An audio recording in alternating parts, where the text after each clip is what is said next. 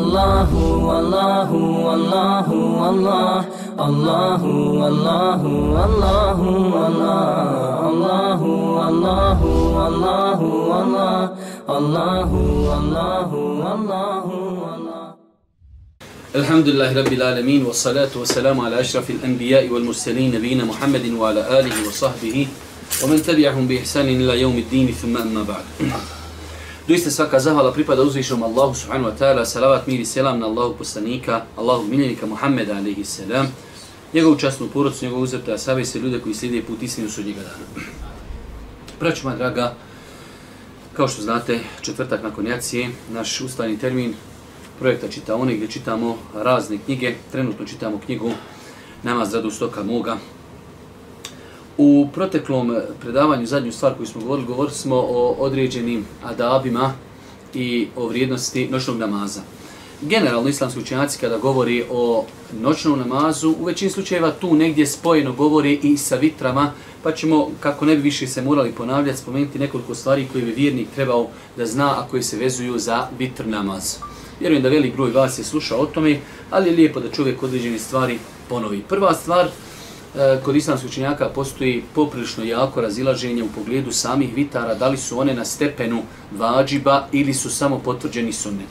U svakom slučaju, u svakom slučaju, e, insan vjernik bi se maksimalno trebao truditi da ne ostavlja vitre, ali isto tako i, i mišljenje da su vađib je, ajde da kažemo, malo i prestrogo, ali je dobro da ga se čovjek drži u smislu da se ne poigrava sa tim stvarima.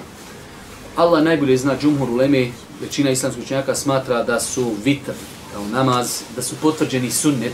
I Allah najbolje zna, možda je to mišljenje malo jači s odnonim hadisma, gdje Boži poslanik uvijek kaže pet dnevnih namaza, pet dnevnih namaza, znači nama muslimanima je propisano strogo pet dnevnih namaza, sve mimo toga je vid na file, a u tim na filama opet postoji neki, hajde da kažemo, e, različiti stepeni. Pa znači, kada je u pitanju vitr namaz, inšala biznila, e, propis je da je tu potvrđeni sunnet, ali bi se čovjek vjernik trebao maksimalno truti da te sunnete ne propušta. Govorili smo, kada smo govorili o noćnom namazu, znači zato kažem noćni namaz i vitr, oni su poprilično dva poglavlja koja se ispretleću jedna s drugim. E, vitr namaz se može klanjati od klanjanja jacije pa sve do sabaha. Čak, znači ako imate kada je čovjek musafir, pa znate kako čovjek kada je musafir može spojiti jaciju sa akšamom u akšamsko vrijeme, a može spojiti akšam i jaciju u jacijsko vrijeme. Ako spoji u jacijsko vrijeme, normalno je da nastupa vitr kad? Nakon što je klanjao jaciju. Ali šta ćemo ako spojimo akšam i jaciju u akšamsko vrijeme? Pa kažu islamski učenjaci, ako nam je uzvišeni Allah dozvolio da jaciju kao farz pomaknemo naprijed, onda da pomaknemo i vitre mnogo je preći. Tako da čovjek ako je primjer radi na putu i jednostavno tako mu odgovara da akšam i jaciju spoji u akšamsko vrijeme, ima pravo, ako hoće, odmah klanja i vitre i sutra do sabaha, on je što stiče obaveza, završio.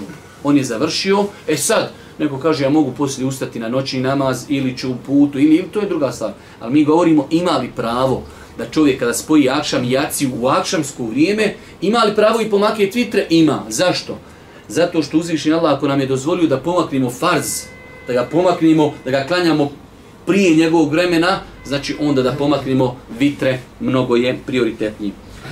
Definitivno, e, došlo je u vjerodostojnim hadisima Buhari i muslima da Iša kaže Allah poslanik je klanjao nekada vitre na početku noći, nekada u sredini noći, ali kaže pred kraj svoga života klanjao je vitr namaz u zadnjoj trećini noći i definitivno ona insan koji može ustati, ona insan koji može ustati, Eh, ustajanje na vitre u zadnjoj trećini noći je najbolje vrijeme, jer svi znate, govorili smo prošli put da je to vrijeme eh, jednostavno eh, u kojem namaz ostavlja na čovjeka poseban jedan trag, a s druge strane znamo na vjerodostan hadis koji bilježi ima Buharija da uzviše Allah svake večeri se spušta na dunjalučko nebo u zadnjoj trećini noći. Ono što je vezano za vitre, da bi čovjek trebao da svoj dnevni taj vird namaza završi zapečati sa vitrama. Pa ima u vjerodostojnu hadisa da Allah poslanik ali se sam kaže učinite vaš zadnji namaz u toku jednog dana, nek su vitre. E sad, čovjek ako je klanjao akšam, klanjao je jaciju, neće ustajati na noći namaz, klanja vitre odmah posle jaciju i odmah spavati. Ako misli da će ustajati na noći namaz, onda ustane noći namaz, klanja koliko može, 2, 4, 6, 8 i nakon toga opet na kraju klanja vitre. Pa je znači pohvalno, sunnet i lijepo da se završi taj naš dan. Čovjek ustaje saba, klanja pa podne, pa ikindiju, pa akšan, pa jaciju, pa neki na file, te duha namaz. Zadnja stvar kao neki pečat jesu vitre. E, to je sunnet. Ako bi se desilo, primjera radi, u današnje vrijeme jacija je rano i čovjek klanja posle jacije vitre, konta neće ustati. I desi mu se nešto ko što se meni sinoć desilo. Ja sinoć u tri sata ustao nešto, imam potrebu do toaleta, ustanem, šeita ovoga uključim, pročitam nešto i odmah se razdrimam. Ne mreš zaspat, pročitao sam nešto što nisam trebao, odnosno trebao sam, ali eto. E, ako si već klanjao vitre i usto si i osjetiš, hajde da kažemo, da imaš motivaciju, mogu klanjati noćni namaz. Može li se klanjati nakon vitara? Može. Može. Ima sa tu dug govor kod ulemi, e, šta će čovjek uraditi, ništa neće uraditi. Usta će klanjati dva rekiata, četiri, šest, koliko hoće i završena stvar. Neće vitre više ponavljati. ponavljati. Boži poslanik kaže u vjerodosnom Adisu, nema u jednoj noći dvojih vitara. Uradio si jedne vitre, legu si spavati, si mislio da neš ustati. Allah dao da si jednostavno iz tog razloga usto i osjetio si želju da klanjaš, klanjaj dva po dva i na taj način ćeš tako taj dan završiti generalno se treba paziti, ono, hajde kam potrud, da čovjek klanja zadnji namaz vitre. Ali, ako se desilo klanja vitre, pa duga noć, pa okreni, pa zima, pa ovako, pa onako, probudiš se, nema, znači nije sporno jer je zabilježeno vjerodostojno hadisma da je Boži poslanik nekada znao i nakon vitara klanjati određenu na filu. Tako da, inšala, i to je dozvoljeno. E, velik broj ljudi ima, ajde da kažemo jednu nedomicu, a to je koliko se najmanje vitara može klanjati. Ispravno je što u što ne smijemo nikako što bi rekao sumnjati, e, vjerodostojni hadis potvrđuju da se vitre mogu klanjati jedan rekiat. Jer sama riječ vitre znači nešto neparno. Najmanji neparan broj je šta? Jedan. Tako da čovjek znači može klanjati noći namaz dva po dva, dva po dva, predaje selam i nakon toga kaže još sad jedan rekat vitara i to je to. Može i nakon jacije, klanju čovjek jaciju, klanju nakon jacije potvrđene sunnete, klanja samo jedan rekat vitara, nije raspoložen, umoran je, e, pospan je, klanja samo jedan rekat, ne, ispravno je. Ispravno je, jer to potvrđuju mnogi vjerodostojni hadisi. E, kada je u pitanju tri rekata vitr namaza, imamo dva načina kako se mogu klanjati. Može se klanjati sve tri rekiata odjednom, i mogu se klanjati dva rekiata, pa se predaje selam i može se klanjati nakon toga treći rekiat. U vjerodostojnim hadisma zabilježeno da Allah poslanik kad bi klanjao pet rekiata vitr, klanjao bi odjednom se pet. I sam i predao selam. Tako je od sunneta. Ali može čovjek da klanja dva, pa dva, pa jedan. Ali znači, zabilježeno hadisma može poslanika da je klanjao pet rekiata i ne bi nikako sjedio, na kraju bi samo sjeo, pručio tahijatu i završio bi završio bi svoj vitr namaz. Kad su u pitanju 7 i 9, znači klanjao bi 6, etahijatu, pa 7 ili klanjao bi 8, pa etahijatu, pa 9. U svakom slučaju to je nešto što je prenešeno od Božijeg poslanika, ali salatu wasalam, ali ako bi čovjek klanjao na bilo koji drugi način, po dva rekiata, po četiri rekiata, inšallah bizna sve tu, e, što kažu Arapi, fiha, si'a, nisu to pitanja koja su žestoko precizirana. I na kraju, jedno od pitanja koje se vezuje za vitr jeste, e, mislim da smo to prošli put spomenuli, ako bi se desilo čovjek primjer, planira ustati na vitr i ne ustani, da li je prespavo, da li je bio umoran ili, ili, ili, sutra dan će klanjati na filu od izlaska sunca do podni, znači param broj, jedan rekat više od onog, znači njegovog uobičajenog vitr namaza. Pa na primjer, ako čovjek uvijek, skoro svaku noć klanja pet rekata vitr namaza, sutra će klanjati taj u duhan e, periodu šest rekiata. Ako uvijek klanja jedan rekiat, sutra će klanjati dva. Ako uvijek klanja tri rekiata, sutra će klanjati četiri. To je znači e, potvrđeno vjerodostojnim hadisom da je Iša kazala Boži poslanik kada ne bi ustao na noćni namaz, sutra da mi klanjao 12 rekiata. Zašto 12? Zato što je najveća praksa Božih poslanika bila da je klanjao 11 rekiata. To je nešto znači kratko rezimirano što bi čovjek musliman trebao da zna vezano o vitr namazu. Mi smo prošli put govorili o vrijednosti noćnog namaza, pa znači opet noći namaz, vitr, teravija, sve su to, e, ajde kažemo, slična poglavlja. Pa sam ja ovdje kratko spomenuo e, pohvalno sklanjanje teravih namaza. Da vidimo šta ima. Od vremena Allahov poslanika, sallallahu alaihi ve sellem, do današnjeg dana, praksa muslimana u cijelom svijetu tokom Ramazana jeste obavljanje teravih namaza u džematu. E, znači vidite kako smo definisali u rečenicu ciljano, od vremena poslanika, jer je zabilježeno u vjerodostojnim hadisma da je Boži poslanik ali se ratu sam nekoliko noći ustajao sa, sa sahabima i klanjao noćni namaz teraviju u džematu.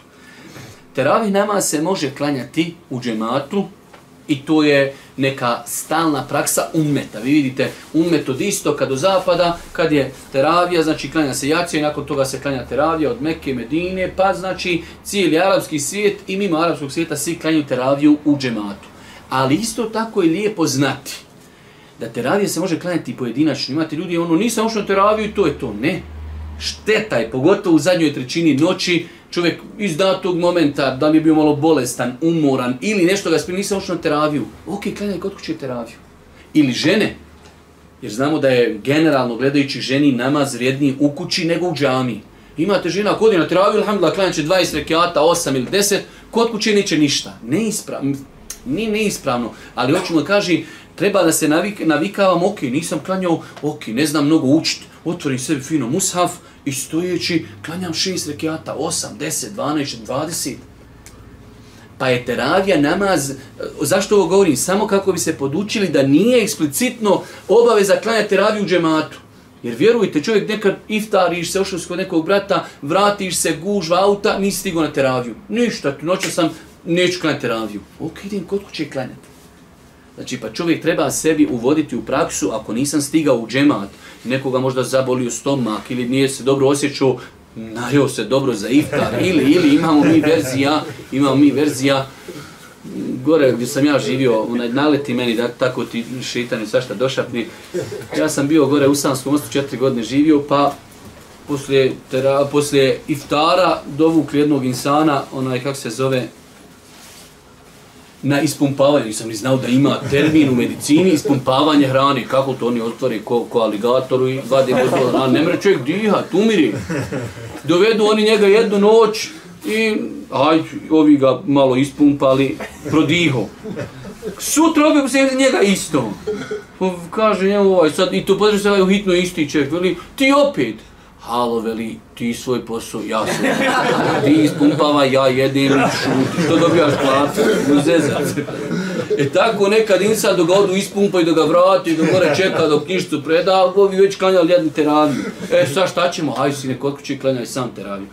Pa znači nije uvjet ispravnosti teravije se klanja u džematu. Ali je praksa ummeta da se klanja u džamiji, ali pojedinci mogu klanjati i žene mogu klanjati, žene mogu klanjati kod kuće pojedinačno i namaz generalno, gledajući namaz žene kod kuće je vrijedniji nego namaz, znači u bilo kojem mešćidu.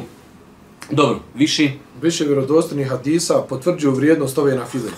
Ebu Hureyre radi Allahu anhu prenosi da Allahu poslanik sallallahu alaihi ve sellem rekao Ko provede Ramazan klanjajući, vjerujući i nadajući Allahovoj nagradi, bit će mu oprošteni prošli grijesi.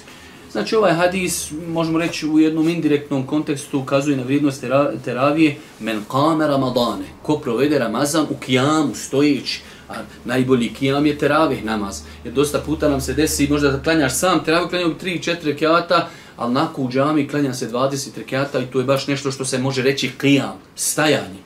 Tako da ovaj hadis znači e, bilježi Buhari i Muslim vjerodostojan hadis. Dobro, kada su kada su ashabi nakon zajedničkog teravih namaza zatražili od poslanika sallallahu alejhi ve sellem da im klanja i ostatak noći, on je odgovorio: Onome ko klanja, misli se na teravih namaz, u potpunosti s imamom, sve dok ne završi, bit će mu upisana nagrada kao da je klanjao cijelu noć. Znači, vrijednosti teravih namaza jeste i to da čovjek ako klanja do kraja koliko imam klanja, upisuje mu se kao da je klanjao cijelu noć. Ja znam da ovdje sad dolazi na poznato neko pitanje, a šta ako čovjek klanja, uh, ako se u tom džematu klanja i vitre na način kako onaj insan smatra da nije ispravno, Allah najbolji zna sam iščitavao govor Šivul Islamu ibn Tejmije, e, postavili smo jednom pitanje Šivul Islamu ibn Tejmije, e, šta ako čovjeka bude džemat insistirao da klanja vitr na način kako on smatra da je neispravno. Imate, znači, vjerodostojna hadise Boži poslanik zabranjuje se vitr klanja kao što klanja akšam. Ali opet imate umetu ljudi koji tako klanjaju. Kaže je u Islam Tejmi Rahmetullahi Alihi da je to fiksko pitanje koje je podležno e, različitim pogledima i da, da je odgovor tog, u tom pitanju bio da čovjek može prihvatiti e, džemat u kojem ljudi od njega insistiraju da klanja na način kako on misli da nije ispravno. Tako da Allah najbolje zna insana koji bi u džematima želio da postigne ovu nagradu i ostao, e, pa makar on kod kuće privatno ne klanja u tako vitr namaz, ali da klanja zbog ove nagrade, inšala biznila, inšala biznila, nadate se da, da, da, da će imati nagradu. E, ono, ona standardna naša klašna pitanja svake godine koja se potežu, čisto onako, ta teravija, 20 rekiata, 10 rekiata, 8 rekiata, e, ako pogledate umet, ako pogledate knjige Fika, vi ćete tu koliko ima mišljenja. Imate mišljenja da je teravija 8, da je 10, da je 20, da je 36. I dosta puta muslimani se toliko oko tih pitanja svake godine, hajde da kažemo, raspravljaju bespotrebno. To je, braćo moja draga, na fila, e, ko može klanjati 20, ne klanja, ko će klanjati 8, ne klanja, ko će klanjati 10, ne, ko će nakon 20 još klanjati kod kući. E, to su sve pitanja na fila, mi smo toliko sebi nabili e, problema bespotrebno. Bespotrebno, znači ne pazite, vidite dole kad odi čovjek u Meku i Medinu, pola umeta neko klanja pet rekiata ode kući, neko klanja osam ode, neko klanja 12 ode, neko 16 i niko ni ne gleda. I samo kad dođemo kući, onda mi odjednom počnemo gledati. Brate, hoće tebi, drago, klanjaš 23, ja klanjaj, brate, alhamdulillah, veći sevap. Ovo neće klanjati nikako. Alhamdulillah, jesi došao na farze. Ma, hoda te poljubim u čelo. Zaista. To je ispravno pristupnik. Ja znam da ima ljudi, e, isto tako, ja znam i naše braće, ove, kao, kad kajem braće, malo pravičara sunneta, ode u džamiju gdje, ako hoćemo sunnet, pravi sunnet, onda daj da gledamo dužinu namaza. Ok, brate, klanjaju se osam rekata koji se klanjaju šest minuta. Da, brate, ako hoćeš baš sunnet, nije samo broj osam. Gdje je ona dužina da je Boži poslanik stao da je klanjao na jednom rekiatu e, pet džuziva? Pa dobro, daj da i nadomjestimo sa onih 20 rekiata. Ne, neka je po osam. Ma nije posunete sunnetu osam. Nici postigo vremenski, nici brojčano, po ništa. Pa treba, znači, tako pristupiti tom pitanju. Ako baš hoćemo se povodimo po sunetu, hajmo nek nam teravih namaz. Znate li da su ashabi, da su ashabi, znači toliko klanjali teravih namaz nakon smrti Božijeg poslanika, ali se letu se nam, kaže toliko da bi imali samo vremena nakon teravih otići kući se hurice i da stupio bi saba. E toliko su im klanjali teraviju. A hoćemo sunet, e hajmo tako klanjati. Mi, ma alhamdulillah, što nam je ovo ugodno, i ćevap i sevap. I klanjali po sunet osam, i za 10 minuti izišli, stigli na utakmicu, i finale, i penale, sve smo prigledali. I još i po sunetu. E, Boga ga nisam. Ma, liješ, izvinjaju se, ali nisi po sunetu. Moš po sunetu vaša de 4 sata stoji na nogama. Koliko godiš rekat? 3, 6, 40, 5, 1 rekat, klanjaj toliko dugo. Mi se ufatimo za broj, ufatimo se za broj, a ne držimo se za dužinu. A dužina je bitnija od broja. Jer Boži poslanik kaže u vjerodostu na Disu Buhari muslima Salatu lejl mesna mesna noći namaz je dva po dva. Nigdje nema ni jedan hadis poslanik 13, 11. To je samo prenošenje govora Aisha kaže poslanik je klanio 13, poslanik je klanio 11. Nigdje nije rečeno samo 13, samo 11, samo 20. Ne. 18, 16, 30. Imate imama mesiva koji su znali po 100, 150, 200 rekiata klanjati za jednu noć.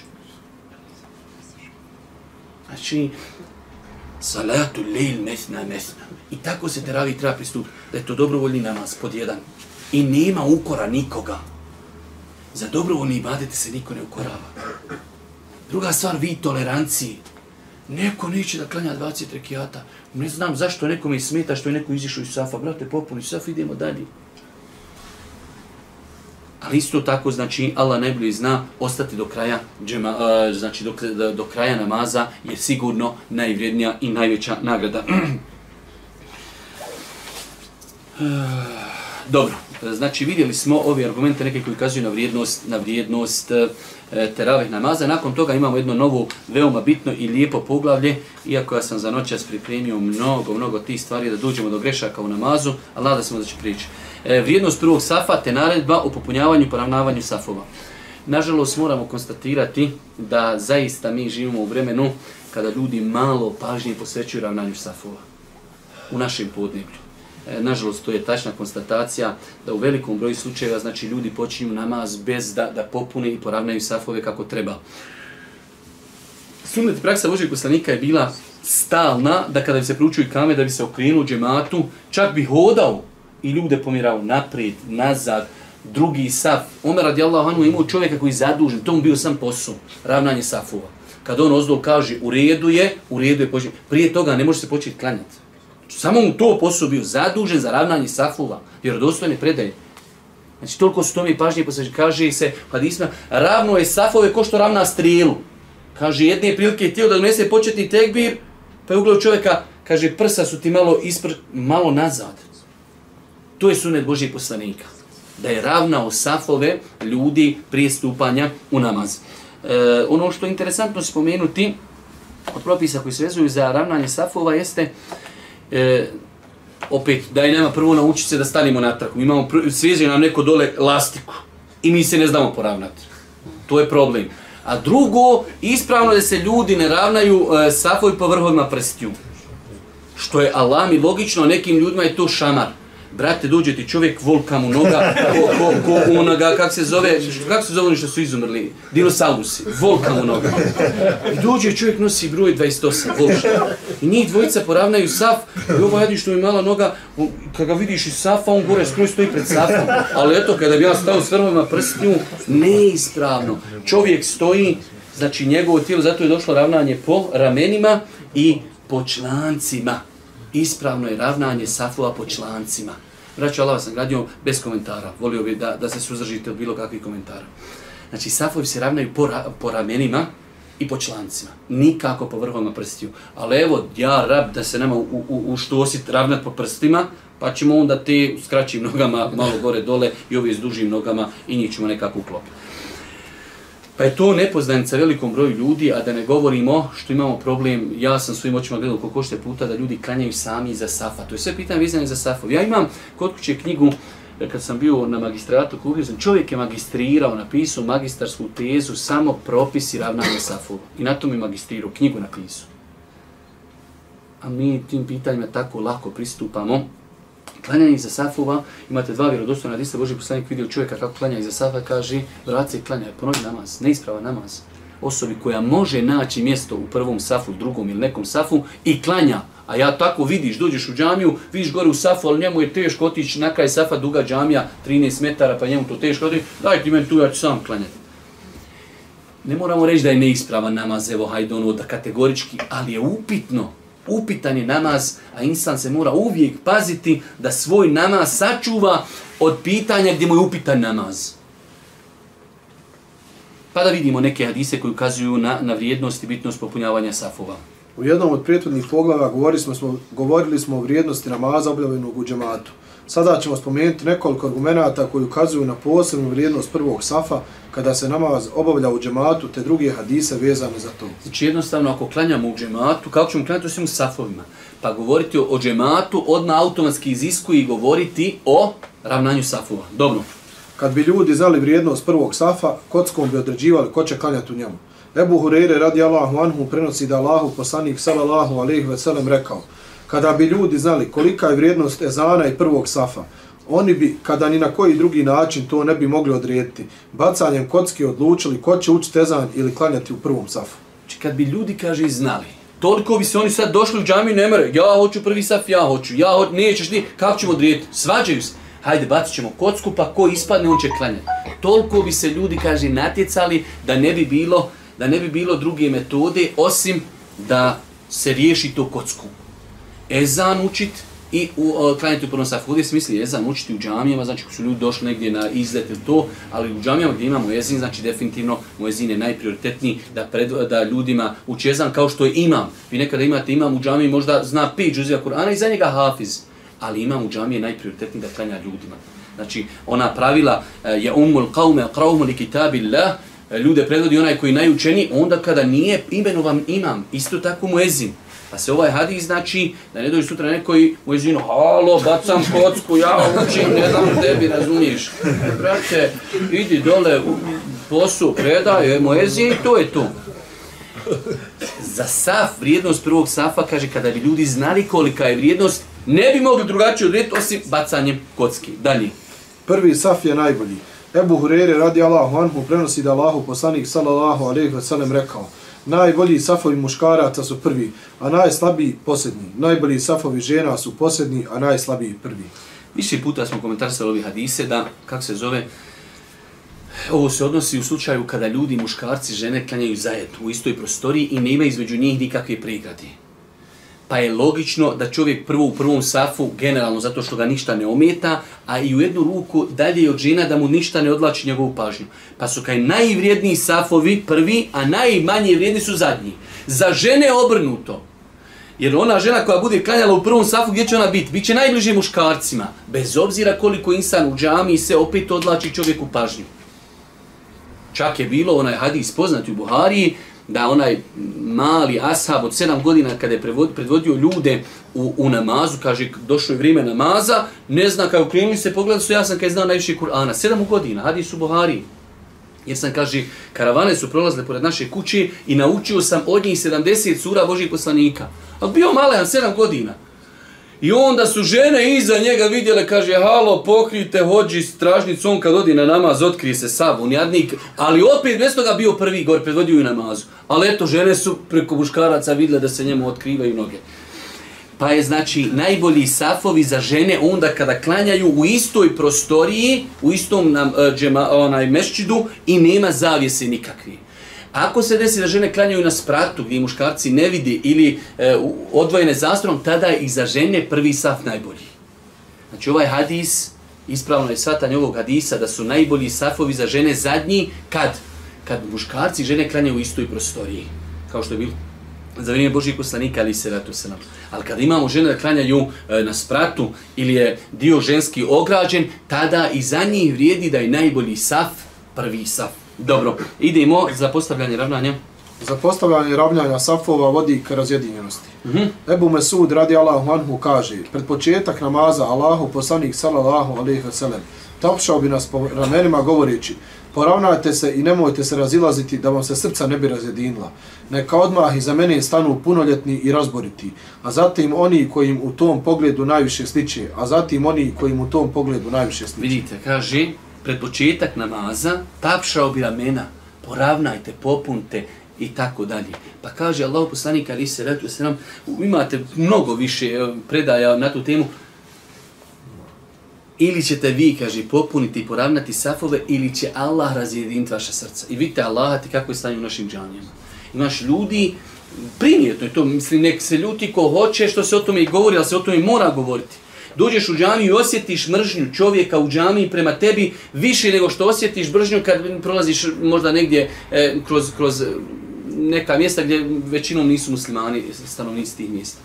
Zašto? Zato što jedan od faktora što muslimani nisu, ne zbijaju svoje safove. Pa je Allah dao da su razjedinjeni njihova srca.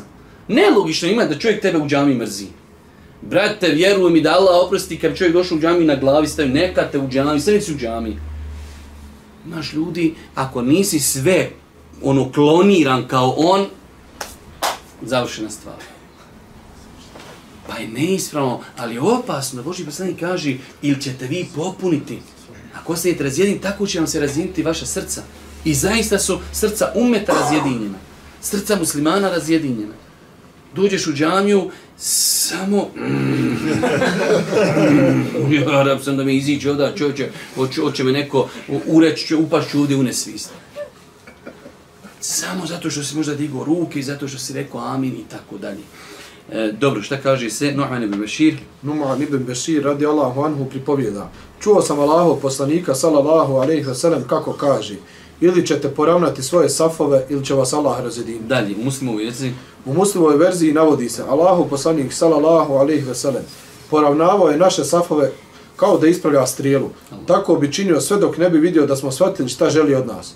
Jednog dana izašao je i zastao, te malo prije nego što će donijeti početnik tekbir ugleda čovjeka čija su prsa isturena i safa pa reče O Allahovi robovi, ili ćete poravnati svoje safove ili će Allah vaša srca učiniti razjedinje. Vidite koliko ovdje ima propisa. Prva stvar, prije namaza poslanik bi ravnao safove. To je sunne, znači da čovjek koji predvodi im e, ljude u namazu, da on ih poravna. Ako ljudi već se nisu poravnali, da on dođe i kaže malo naprijed, malo nazad. To je jedna stvar. Druga stvar, kaže, on bi to ponavljao dok ne bi shvatili mi šta on od nas oči.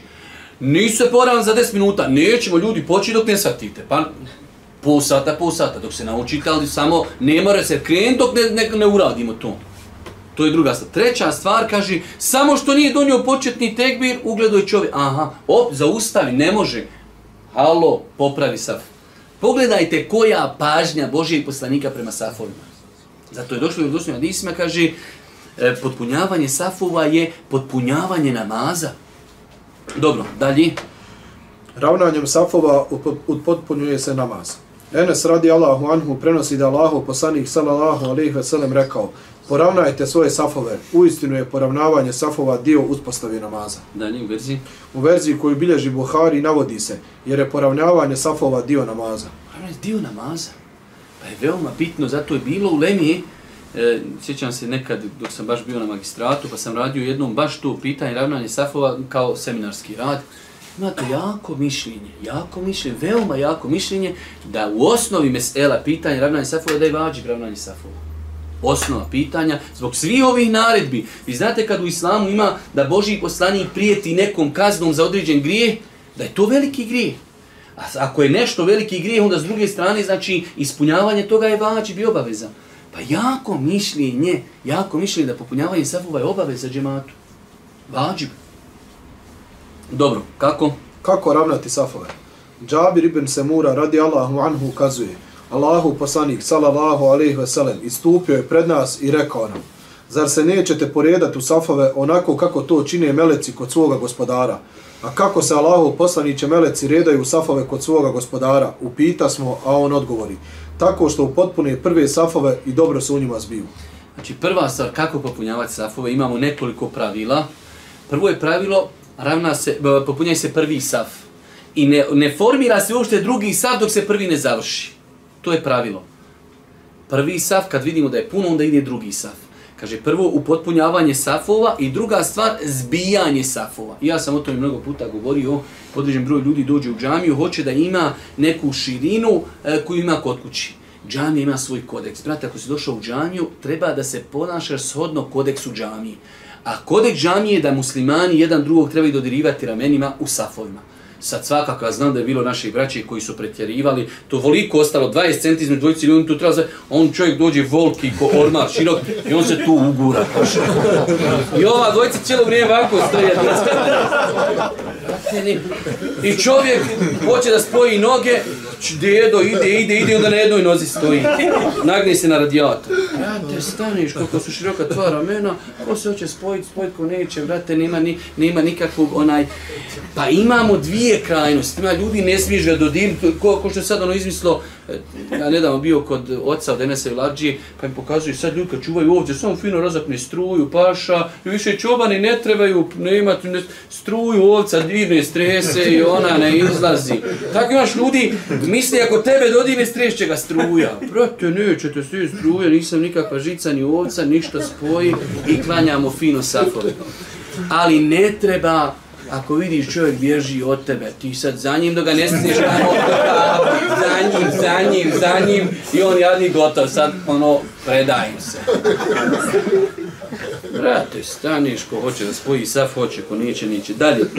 Enes radi Allahu anhu rekao je, proučen je kamet za namaz, pa se Allahu poslanik sallallahu alejhi ve sellem okrenuo prema nama i rekao, formirajte se i dobro zbijte svoje safove, ja vas uistinu vidim iza svojih leđa. Dalje, u jednoj verziji. U jednoj verziji malo Buhari još se navodi da Enes radi Allahu anhu rekao, tako bismo rame priljubili uz rame svoga druga, a stopalo bismo priljubili uz njegovo. Ovo je znači Enes pojašnjava kako su oni, jer Boži poslanik je bio imam. Enes pojašnjava kako su oni za vrijeme poslanika ravnali safove. Pa bi mi, kaže, rame priljubili uz rame i nogu uz nogu. To je sunnet, znači, koji je Boži poslanik gledao od ashaba i to im odobrio. Jer vi znate da kada se definiši e, šta je sunnet Boži poslanik, to su tri stvari. Govor, njegova praksa i njegovo odobrenje. Zato u onom hadisima, kad je Boži poslanik vidio Haldibnu veli Velida da jede, ne znam ni kako se na bosanskom kaže, dab, onaj, ne znam, nija, nešto je, ko onaj veliki, onaj gušter, imaju crtiće o tome. Pošto nije poslanik vidio, kaj ja ne mogu jest, nisam tu, me, mi u Meki to nismo naučili jest. Ne znam to. Ali vidio Haldin veli da jede i nije mu rekao da je to haram. Znači, to je odobrenje u islamu, kad Boži poslanik nešto vidi i prešuti, to je propis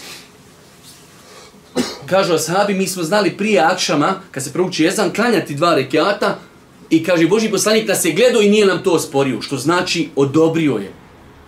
Isto ovo, Boži poslanik vidi kako se ashabi reda i popunjavaju i tako je u redu. Znači, odobrio Boži poslanik taj propis. Pa je ispravno od sunneta, ko hoće pravo sunnet praktikuje, da se lagano spoji. Lagano, ne u volki prostor gura čovjeka od 80 cm.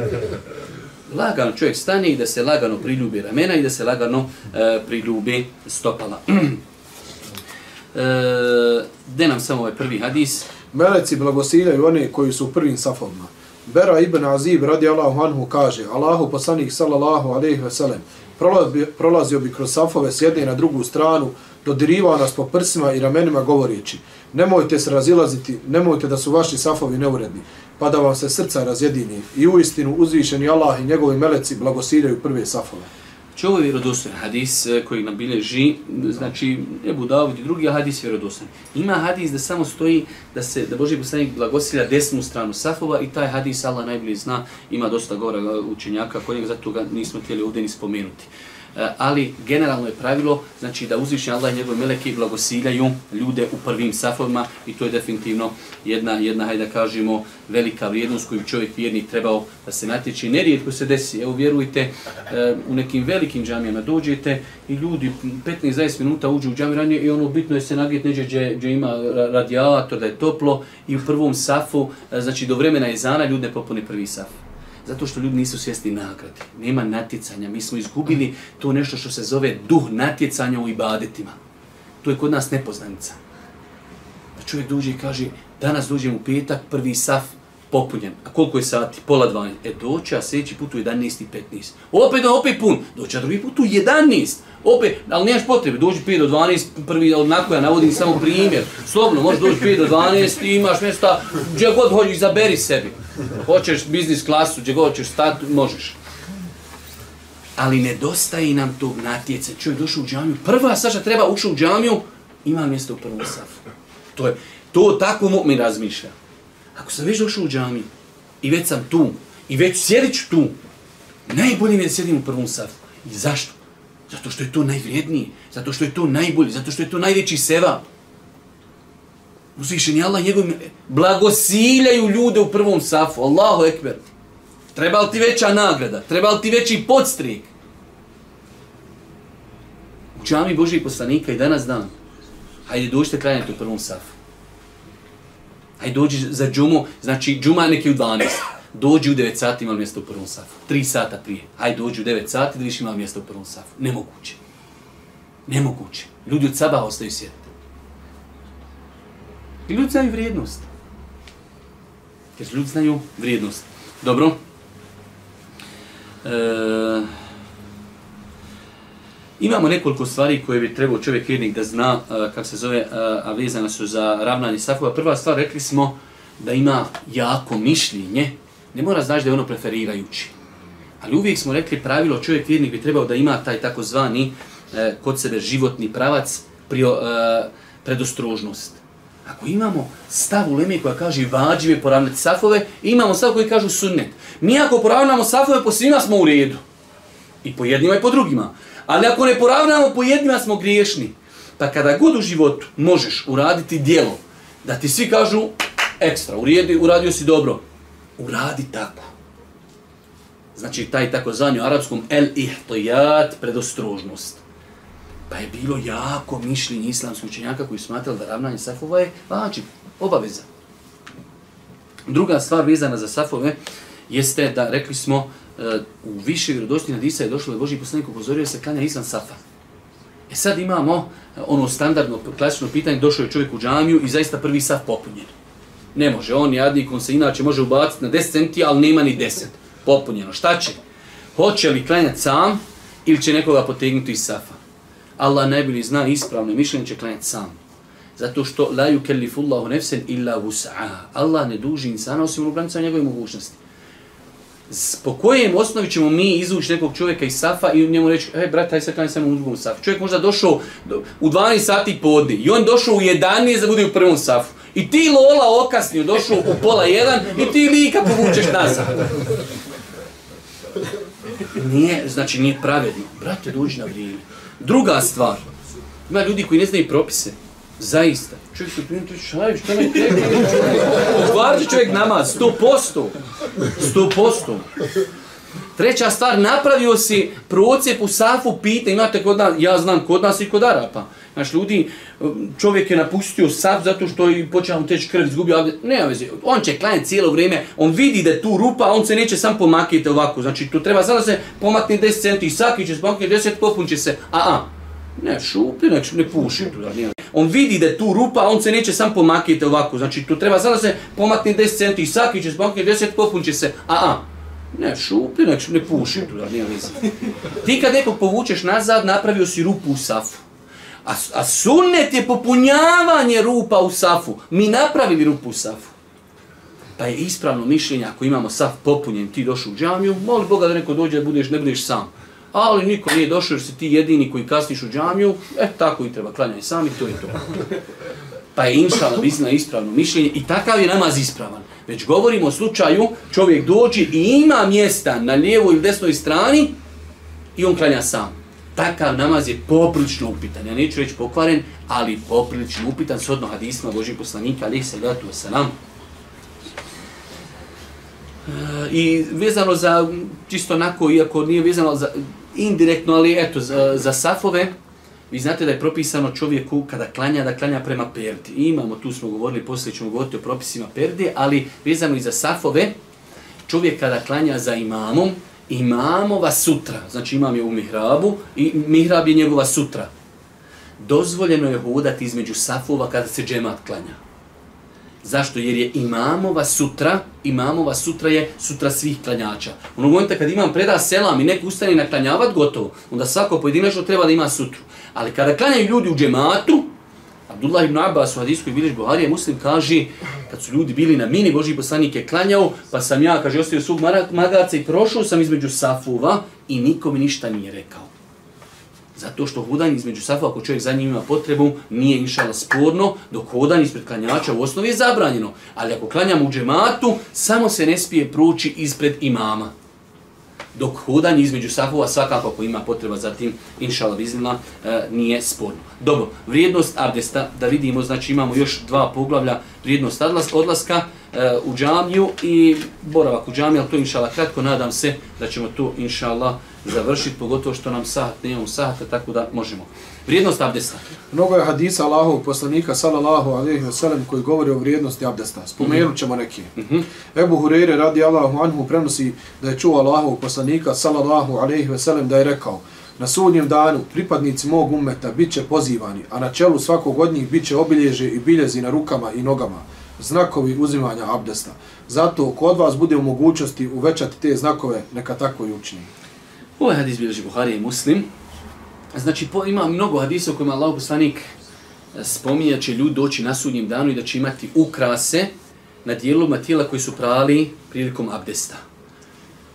U onom hadisu koji govori o haudu, da je Boži poslanik rekao da će dočekati svoj umet na haudu, pa su mu kazali, a sabi Allah poslanik, kako ćeš ti poznat sljedbenike svog umeta među drugim narodima? Jer mi smo jedan dio historije prije nas od Adema, ali i selam koliko je ljudi prošlo i ljudi na sudnjem danu. Pa kaže Allah poslanik, šta mislite kada bi čovjek imao stado ili ergelu crnih konja i imao među tim konjima konje koji imaju, to se na selu kaže brnja, znači naprijed, e, da mu je samo na, na, na, na, na, na nosu bijelo i na nogama, znači e, obilježe. Bili, kaže, mogu upoznati takve konje. Svi konji crni njegovi, e, konji imaju glavu bijelu i noge bijele. Pa kaže, mogu bi ih poznat, definitivno, kako neće moći poznat konje, e, svi konji crni njegovi, konje obilježe. E kaže, i moj umet kad dođe na sudnji dan, bit će im svjetla lica i svjetle ruke, znači i svjetle noge od uzimanja abdesta. Pa je znači jedna od vrijednosti uzimanja abdesta to što će ljudi, Boži, e, eh, sljedbenici Božih poslanika, ali se ratu se nam imati e, kao počast što su prali te svoje e, dijelove tijela abdestom, imaće posebna obilježja. Od Osmana radi Allah, hadis. Od Osmana ibn Afana radi Allahu anhu se prenosi da Allahu poslanik sallallahu alaihi ve sellem rekao onome je kuzme abdest na potpun i propisan način, grije se izađu iz tijela pa čak i ispod noktiju. Imamo ovaj, poslije će doći hadis u dužoj verziji da Boži poslanik kaže čovjek kada opere svoje lice sa posljednjom kapi vode padnu grijesi koji počinju čovjek svojim očima. Kada operi ruke, sa posljednjom kapi vode padnu grijesi koji činju rukama i kada operi noge, sa posljednjom kapi vode opadnu grijesi koji činju nogama. Tako da je e, uzimanje, potpuno uzimanje abdesta je razlog opraštanja griha. E, kroz mnogo je hadisa potvrđeno. Evo ovaj od Osmana hadis. Yes. Nakon što je jednom prilikom uzeo abdest, Osman radi Allahu anhu rekao je, vidio sam Allahov poslanika, salallahu alaihi ve sellem, kako je uzeo abdest na isti način kako sam ga ja sada uzeo, a zatim je rekao, ko se ovako abdesti, bit će mu oprašteni prošli grijesi, a njegov namaz i odlazak do džamije ubrajaju mu se u posvan dodatak dobrim dijelima.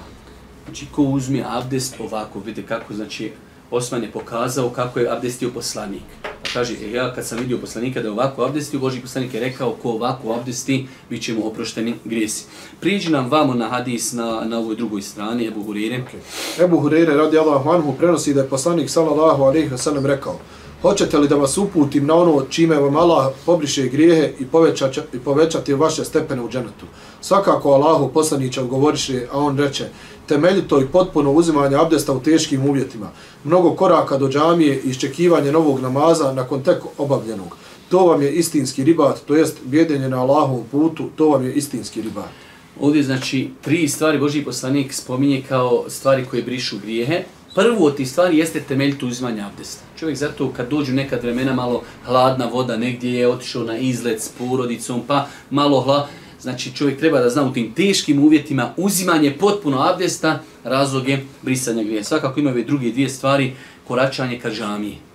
Čak je bilo u Leme koja je e, prakticirala da prije vremena malo krenu u džamiju da ne žuri, jer kad ne žuriš, tada možeš praviti male korake. Ti kad žuriš u džamiju, okasnio si šta moraš pružiti korak pa su ljudi kretali ciljano prije vremena da bi lagano mogli ići. Zašto? Jer svaka stopa je povećanje deređe, brisanje grijeha, a druga znači e, isto tako nagrad. Tako da e, pohvalno čovjek kad ide u džamiju da ne žuri. Ide lagano i pravi manje korake da bi što veće nagrade imao. I druga, i treća stvar, iščekivanje namaza. Da čovjek znači obavio je namaz, primjer radi, ja to dosta puta navodim, primjer akšam u zimskom periodu. Klanjaš akšam, vjeruj dok dođeš kući, vrijeme se bukvalno vrat na jaciju da čovjek ostane u džami i iščekivati novi namaz, to je isto dijela koja eh, uzrokuju eh, uzrokuju brisanje griha. Od Omera radijallahu ta'ala anhu.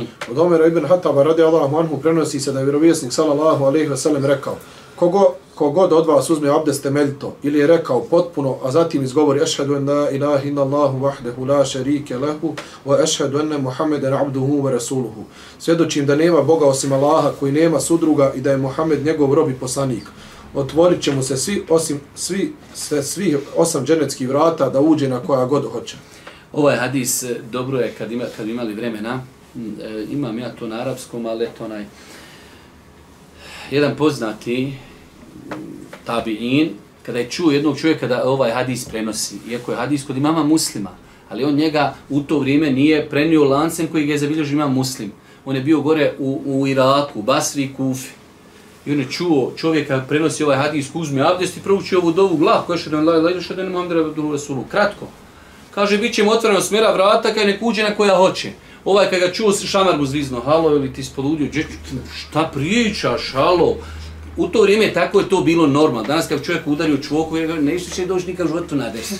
Kod njih šamar mu zvizno, opet sutra dođe, še, mogla pisati hadise kod tebe pa mu je udario šamar, kad je postoje, kaže, došao drugi čovjek, veli, što mu udari šamar? Kaže, što što priča čovjek, halo, bolam, za vaku dovu kratko. Pa kaže, ali ja taj hadis, kaže, bilježim, prenosim ga od čovjeka iz Mekke. Jeli? I čovjek iz Iraka pješice u Meku. Kaže, krenuo sam na hađ, ali nije mi kaj da Allah oprosti cilj hađ, idem ja nađ, meni cilj da hadis provjerim. Ja, kaže, došao tavafim oko Kjabe, kad taj prenosio od tavafa, Veli onaj naš tamo, Jaram, priča da je od tebe čuo hadis. Ma kaže, jeste od mene, ali ja sam čuo, kaže, od čovjeka u Medini. Kaže, tamam, hajde, velika, krenim kući kroz Medinču, pa za Irak. Došao u Medinu, sretni tog čovjeka, prenosioca hadisa, kaže, ovaj naš gore opet, što sam ja šamar zvizno priča od ovoga iz Mekke, ovaj viće od tebe, a to oni već počinu sumnjati. Nije od mene, onaj prenosi od onog, to je već kritično kod tih muhadisa kaže njemu ovaj, ja ga prenosim ponovo tamo od vašeg jednog iz, iz Basri i Kufi. I ovaj, ja ga je otuda došao čovječe, pješki. Došao tamo čovjek onakav čupav, nikakav sputa, čelav, kaže, bolan hadis onaj, kaže, o, o abdestu. Nemo kaže, takav, ne mereš, kaže, ne, možeš, ta, ne mereš takav, kaže, čupav i runđar, kaže, pisat hadis, hajde se prvo kuće otkupile, počešaj, pa dupaš ti onda odgovori. Čovjek ošao u Meku i Medinu iz Iraka, pješke i došao iz tolke želje za hadisom, ne, neka se fino počešlja i okupa se, ponovo dođe. On kad je došao, kaže, e, taj hadis i ja prenosim od jednog. Ej, kaže, više, a taj hadis bilježi ima muslim. A on kaže tada, da mi je, kaže, ovaj hadis je rodostojan, draži mi bio nego cijeli dunjaluk. A mi imamo taj hadis kod imamo muslima. Završiš namaz, završiš hadis, kaže, šadan la ilaha illa, šadan muhammeden, abdu rasulu. Kod tirmizije ima dodatak, Allahumma džalni min tawabinu, džalni min mutatahirin. Hadis ima sam dvije rečenice. Ko kaže rekne ovaj uh, zikr, ko kaže rekne ovaj uh, zikr posle abdesta, bit će otvoreno smera vrata, nek uđe na koja hoće u džennet. Vrijednost odlaska u džamiju. U, u islamu se odlazak u džamiju radi obavljanja zajedničkog namaza smatra ibadetom za koji su obećane mnoge nagrade. Spomenut ćemo nekoliko hadisa o toj temi. Znači sam odlazak, pazite, u osnovi čovjekovo pješačenje, generalno, kad čovjek sad ode u prodavnicu ili šeta, nije ibadet. Dok na, odlazak u džani, u ciljano, to je ibadet. Samo hodanje, koračanje je ibadet.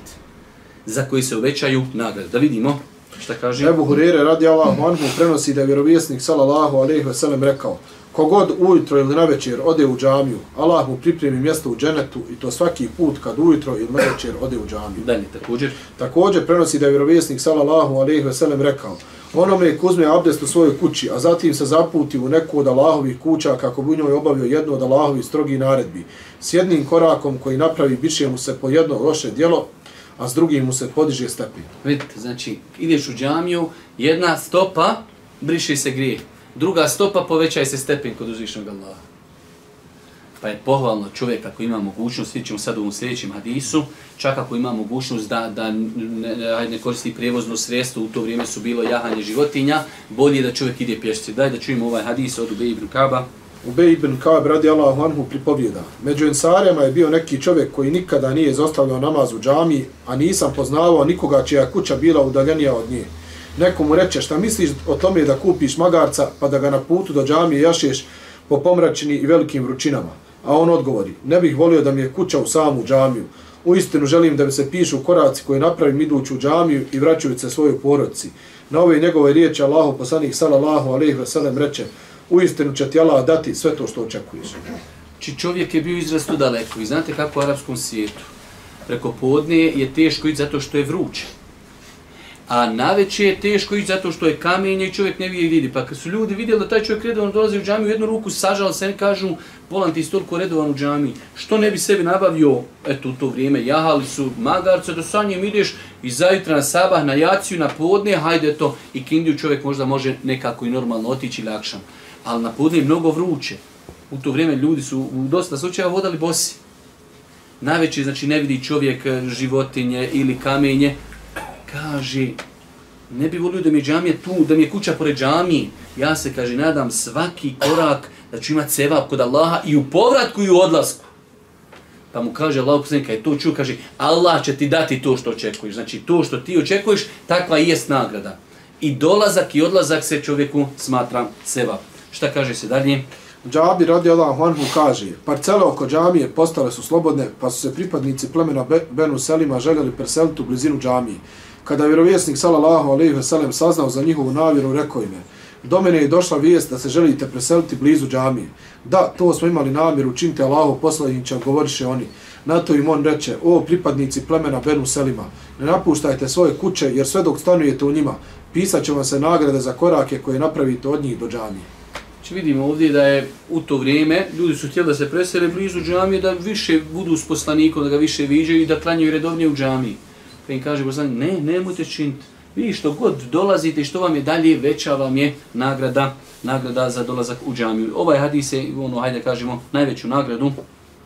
Ebu Musa je lešar dalje. Ebu Musa je lešar radi Allahu anhu prenosi da Allahu poslanik sallallahu alejhi ve sellem rekao: Najveću nagradu za obavljanje namaza ima čovjek koji dolazeći na, na namaz u džamiju najduže pjesa, pješači, a potom onaj koji pješači nešto kraće od njega. Onaj koji iščekuje namaz kako bi ga klanjao za imamom ima veću nagradu od onoga koji ga klanja pa zaspi. Imamo dva ovdje znači propisa. Kaže što je duže i dalja kuća od džamije, čovjek će imati veću nagradu jer je logično, jer je napravio više koraka, a imamo drugi, znači onaj koji iščekuje namaz kako bi ga klanjao za imamom, ima veću nagradu od onoga koji je klanjao pa zaspao. Vi znate, i danas dan to ima u arapskom e, svijetu praksa da se prouči ezan da se čeka i kamet na primjer, ja znam gdje sam živio u jednom gradu, imate jednostavno skoro svaki mešćin ima svoj neki običaj. I ti ako se shodno vremenu koliko si okas imaš džamija da nakon 10 minuta i kamete i kindiju. A ima džamija koji nakon sat vremena i kamet uči. I ti ako si negdje u poslu, ako negdje žuriš, klanjaš uvijek. Ako, ako si negdje okasnio, ideš tamo gdje ovi nakon sat vremena.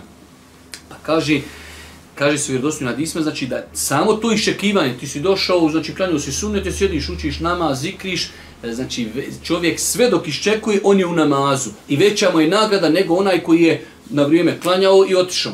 Nije svjestan da je to ibadet i to veliki ibadet. Čovjek dok sjedi u džami, vidjet ćete mene ga blagosiljaju. Znači posebne nagrade. Čovjek sjedi u džami, pogotovo rekao sam u zimskom periodu, vjerujte, čovjek klanio si farze, klanio si sunnete, dok odeš kući, možda sjedneš kod kuće 15-20 minuta, već vrijeme ponovo u džamiju. Onda je, ne mora čovjek tu svaku noć, ali jednom sedmično, jednom mjesečno, samo da čovjek, znači, jednostavno uprakticira, uprakticira taj ibadet. Da vidimo kakve nagrade očekuju se. Ebu Hurere radi Allahu Anhu prenosi da je Allahu poslanik sallallahu alaihi ve sellem rekao Meleci donosi salavat na nekoga od vas sve dok se nalazi na mjestu na kojem je obavio namaz. I sve tako dok ne izgubi abdest, govori gospodaru, oprosti mu, gospodaru, smiluj mu se. Znači ovdje imamo nekoliko stvari. Kaže se u ovom hadisu, meleci donosi salavat na nekog od vas sve dok se nalazi na mjestu na kojem je obavio namaz. To je prva stvar. Da li se konkretno misli da čovjek znači klanjuje akšam namaz i na istom mjestu sjedi ili se ta riječ mu salahu misli se mjesto džamija u kojoj on klanjao. Allah najbolje zna, mislim da je ovo drugo mišljenje prioritetnije. Svakako ako bi čovjek mogao da već ako će sjeti u džami i ostane na istom mjestu, nije sporno. Ali ako bi se pomirio čovjek da ode negdje da sjedne uzazi, da uzme stolicu, da ode i možda, hajde, kažem, napice vode ili nešto, inšala vizla potpada pod ovu nagradu. Pa znači, nije uvijek da čovjek sjedi na istom, baš bukvalnom mjestu. Već je pitanje da čovjek ostane u džami u kojoj je klanjao. Jer ova riječ musallahu, mjesto njegovog namaza, može se znati bukvalno gdje je on klanjao i mu njegovo mjesto namaza, znači kao džamija u kojoj je klanjao. Pa da bi zaradili ovu nagradu, znači čovjek treba da ostane u džamiju koju kojoj klanjaju. Prva stvar. Druga stvar kaže, sve dok se nalazi mjesto u kojem bio i sve, sve tako dok ne izgubi abdest. Znači sve dok je čovjek pod abdestom i u džamiji u kojoj je, u kojoj je klanjao namaz, iščekuje drugi namaz, meleki dovi za njega i govori gospodaru oprosti mu, gospodaru smiluj mi se treba li čovjeku veća satisfakcija da Allahova nepogrešiva stvorenja, posebno stvorenja, meleki, dove za čovjeka gospodaru oprosti mu, gospodaru smiluj si, ti sjediš sat vremena, a meleci sat vremena za tebe dovi. Pa je ovo zaista jedan ibadet koji čovjek treba, kao i sve druge ibadete, s vremena na vrijeme pokušati da uprakticira u svom životu. Denesa? Od Denesa radi Allahu Anhu prenosi se da je Allahu poslanik sallallahu alaihi ve sellem jednom prilikom odgodio obavljanje jacijskog namaza sve do pola noći, Pa nakon što je klanjao, okrenuo se prema nama i rekao, neki su već klanjali jaciju, a zatim legli. A sve vrijeme dok ste vi čekali da ga klanjate, bili ste u namazu. Ovaj hadis opet e, otvara jedna nova vrata da čovjek iščekujući namaz, bukvalno njemu se taj period broji kuda je u namazu. I sad znate čovjek klanja 5 minuta, znači ono smatra da uradio neki ibadet veliki. Zamisli kad čekaš pola sata namaz ili sat vremena, tu se sve smatra kuda si u namazu.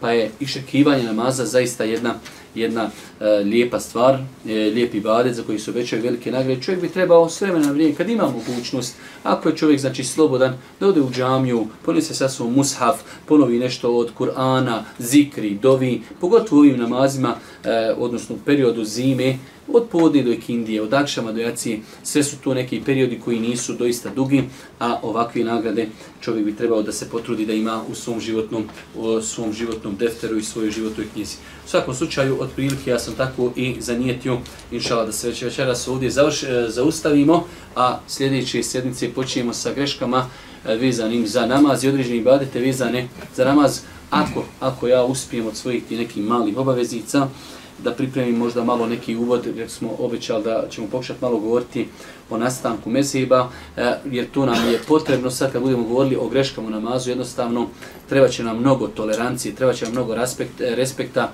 e, prema ljudima koji imaju različita mišljenja, pa je veoma bitno da pojasnimo šta su bili razlozi, kako su mezhebi nastali i zašto su mezhebi u osnovi imali različite stavove. Zar nam nije jedna vjera, zašto nismo svi istog stava? Velik broj ljudi ima u pogledu toga mnogo ovaj nejasnoća, pa ćemo inšala pokušati e, u neki uvodnih 15, 10, 20 minuta a, govoriti malo na tu temu i onda inšala početi e, a, ovom poglavlju koji je po meni veoma bitno. Subhanak Allahumma bihamdike, šedun la ilaha ilan stakfiruke, ve etubu ilik.